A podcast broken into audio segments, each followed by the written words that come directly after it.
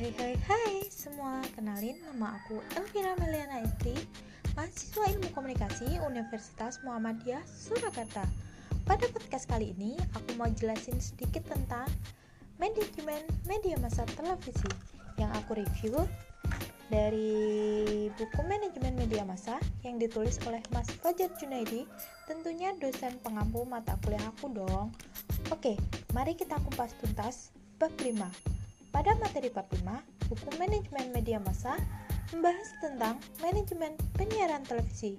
Di dalamnya membahas tentang sejarah dan perkembangan televisi, struktur dan posisi dalam manajemen televisi. Dan pada akhir bab ada pembahasan tentang belajar dari riset proses produksi berita televisi di stasiun televisi daerah. Oke, masuk di materi pertama yaitu sejarah perkembangan televisi. Hal ini menjadi latar belakang terbentuknya program dalam penyiaran televisi. Jika ditelusuri, maka berkembangnya media televisi muncul pada tahun 1923. Pada saat itu, televisi berbentuk tabung gambar loh sobat.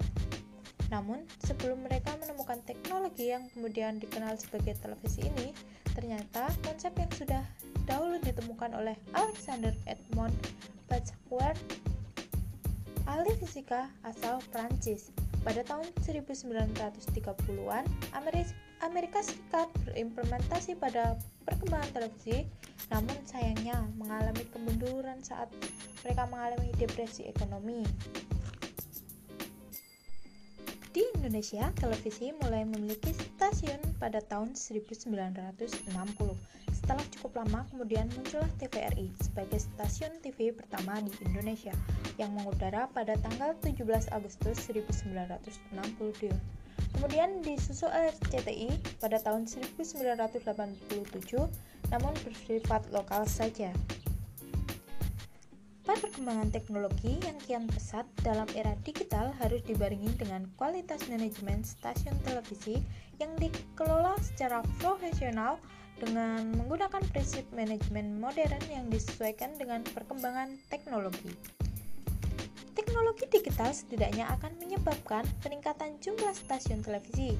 Hal ini disebabkan karena digitalisasi memberikan efisiensi dalam penggunaan frekuensi, sehingga satu frekuensi yang biasanya hanya dapat digunakan oleh satu siaran analog saja bisa dilipat gandakan menjadi 12 saluran pemrograman siaran dengan asumsi menggunakan teknologi sekarang.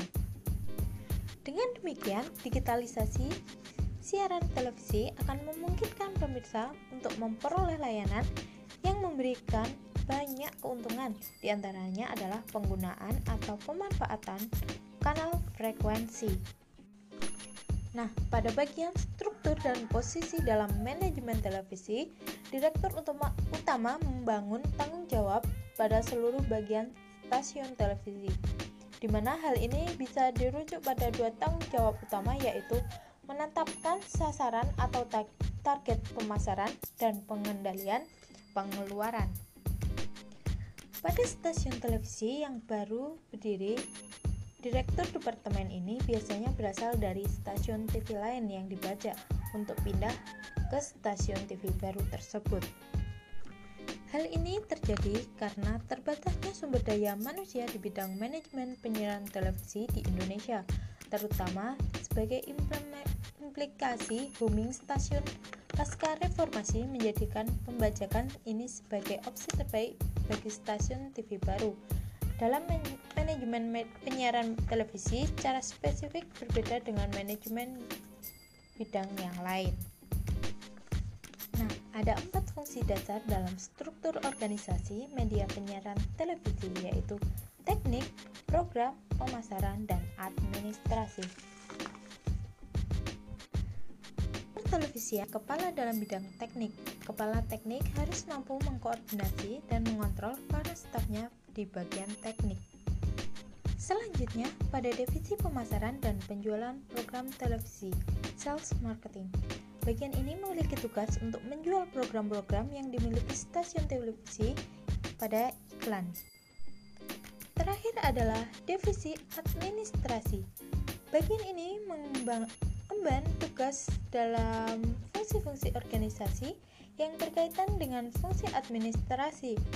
Fungsi administrasi meliputi tanggung jawab pada pengelolaan sumber daya manusia, pembukuan, pembayaran gaji, dan pengelolaan anggaran. Selain itu, fungsi administrasi yang lain adalah pengurusan perizinan dan menjalin kerjasama dengan pihak-pihak eksternal. Oke, cukup sekian podcast aku kali ini, and see you.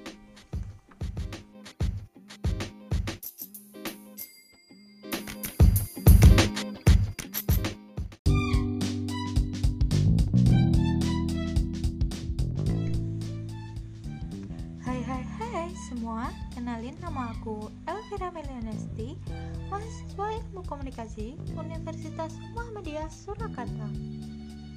Pada podcast kali ini, aku mau jelasin sedikit tentang bentuk lembaga penyiaran di Indonesia dan jenis format acara televisi beserta contohnya. Yang aku review dari materi yang telah diberikan oleh Mas Fajar Junaidi, tentunya dosen pengampu mata kuliah aku dong. Oke, mari kita kupas tuntas materi podcast kali ini. Pertama,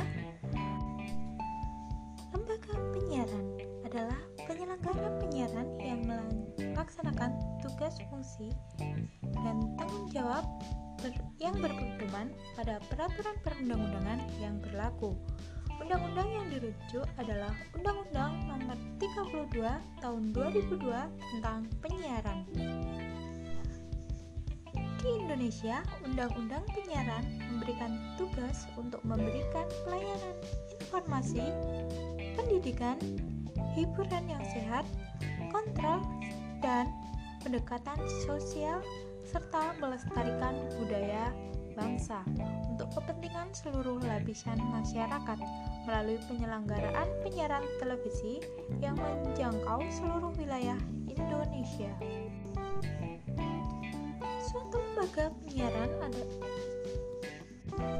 Maaf maksud saya suatu lembaga penyiaran sudah tentu akan menyelenggarakan siaran dan menawarkan jasanya ke berbagai pihak utamanya pemasangan iklan.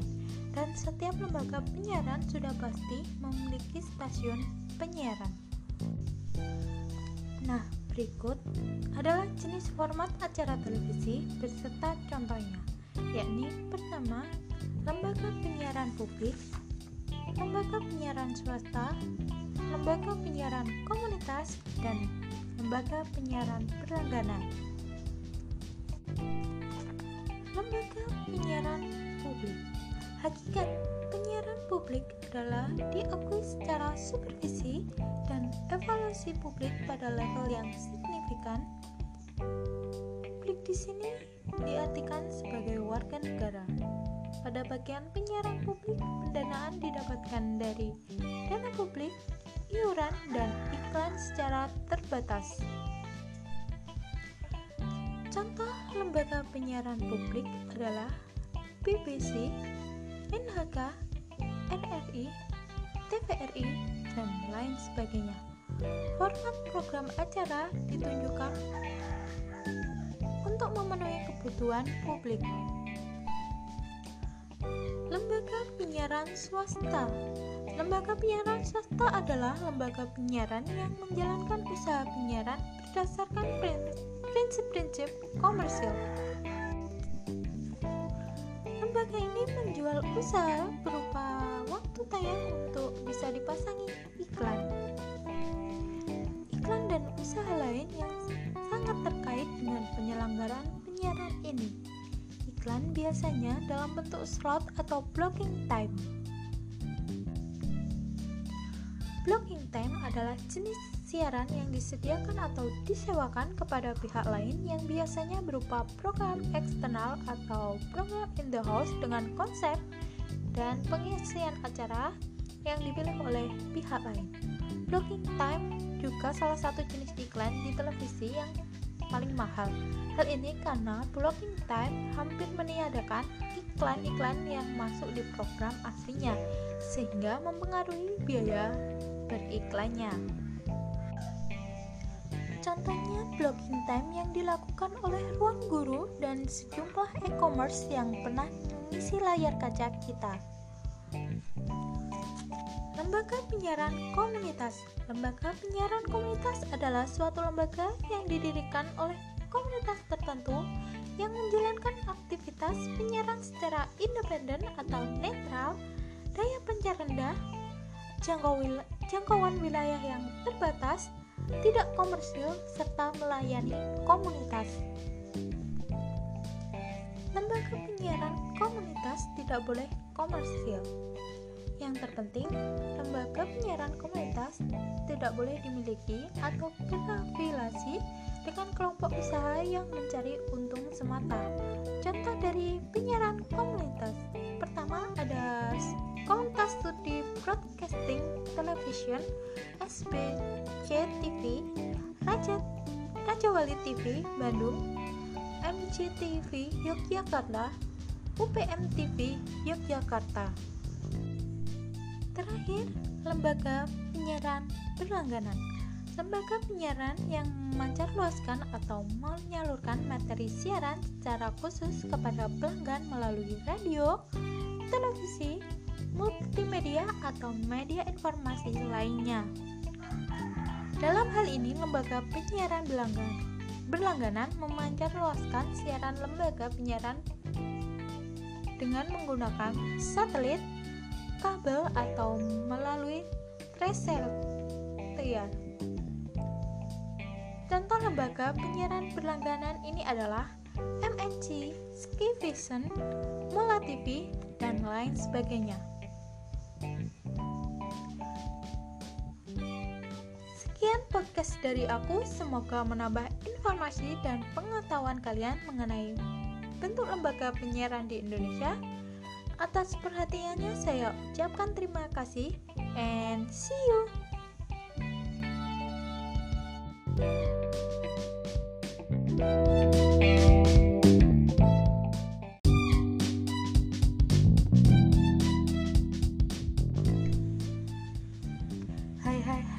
semua, kenalin nama aku Elvira Melianesti, mahasiswa Ilmu Komunikasi Universitas Muhammadiyah Surakarta. Pada podcast kali ini, aku mau jelasin sedikit tentang bentuk lembaga penyiaran di Indonesia dan jenis format acara televisi beserta contohnya. Yang aku review dari materi yang telah diberikan oleh Mas Fajar Junaidi, tentunya dosen pengampu mata kuliah aku dong. Oke, mari kita kupas tuntas materi podcast kali ini. Pertama, lembaga penyiaran adalah penyelenggara penyiaran yang melaksanakan tugas fungsi dan tanggung jawab ber yang berpedoman pada peraturan perundang-undangan yang berlaku. Undang-undang yang dirujuk adalah Undang-Undang Nomor 32 Tahun 2002 tentang Penyiaran. Di Indonesia, Undang-Undang Penyiaran memberikan tugas untuk memberikan pelayanan informasi, pendidikan, hiburan yang sehat, kontrol, dan pendekatan sosial serta melestarikan budaya bangsa. Untuk kepentingan seluruh lapisan masyarakat melalui penyelenggaraan penyiaran televisi yang menjangkau seluruh wilayah Indonesia. Suatu lembaga penyiaran ada. Maaf maksud saya suatu lembaga penyiaran sudah tentu akan menyelenggarakan siaran dan menawarkan jasanya ke berbagai pihak utamanya pemasangan iklan. Dan setiap lembaga penyiaran sudah pasti memiliki stasiun penyiaran. Nah berikut adalah jenis format acara televisi beserta contohnya yakni pertama lembaga penyiaran publik, lembaga penyiaran swasta, lembaga penyiaran komunitas, dan lembaga penyiaran berlangganan. Lembaga penyiaran publik Hakikat penyiaran publik adalah diakui secara supervisi dan evaluasi publik pada level yang signifikan. Publik di sini diartikan sebagai warga negara pada bagian penyiaran publik, pendanaan didapatkan dari dana publik, penyiaran dan iklan secara terbatas. Contoh lembaga penyiaran publik adalah BBC, NHK, NRI, TVRI, dan lain sebagainya. Format program acara ditunjukkan untuk memenuhi kebutuhan publik. Lembaga penyiaran swasta Lembaga penyiaran swasta adalah lembaga penyiaran yang menjalankan usaha penyiaran berdasarkan prinsip-prinsip komersial. Lembaga ini menjual usaha berupa waktu tayang untuk bisa dipasangi iklan. Iklan dan usaha lain yang sangat terkait dengan penyelenggaraan penyiaran ini. Iklan biasanya dalam bentuk slot atau blocking time.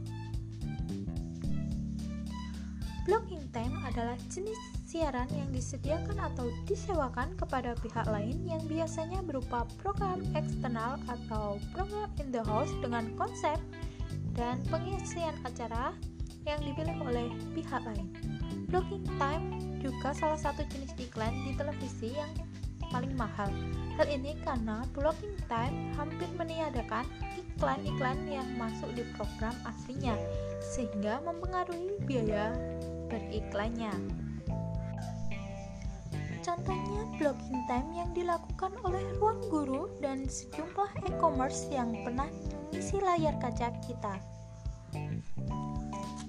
Lembaga penyiaran komunitas Lembaga penyiaran komunitas adalah suatu lembaga yang didirikan oleh komunitas tertentu yang menjalankan aktivitas penyiaran secara independen atau netral, daya pencar rendah, jangkau wil jangkauan wilayah yang terbatas, tidak komersil, serta melayani komunitas. Lembaga penyiaran komunitas tidak boleh komersil. Yang terpenting, lembaga penyiaran komunitas tidak boleh dimiliki atau berafiliasi dengan kelompok usaha yang mencari untung semata. Contoh dari penyiaran komunitas pertama ada Komunitas Studi Broadcasting Television SBC TV Raja Raja Wali TV Bandung MCTV Yogyakarta UPM TV Yogyakarta. Terakhir, lembaga penyiaran berlangganan. Lembaga penyiaran yang memancarluaskan atau menyalurkan materi siaran secara khusus kepada pelanggan melalui radio, televisi, multimedia atau media informasi lainnya. Dalam hal ini, lembaga penyiaran berlangganan, berlangganan memancarluaskan siaran lembaga penyiaran dengan menggunakan satelit, kabel atau melalui reservoir. Contoh lembaga penyiaran berlangganan ini adalah MNC, Skivision, Mola TV, dan lain sebagainya.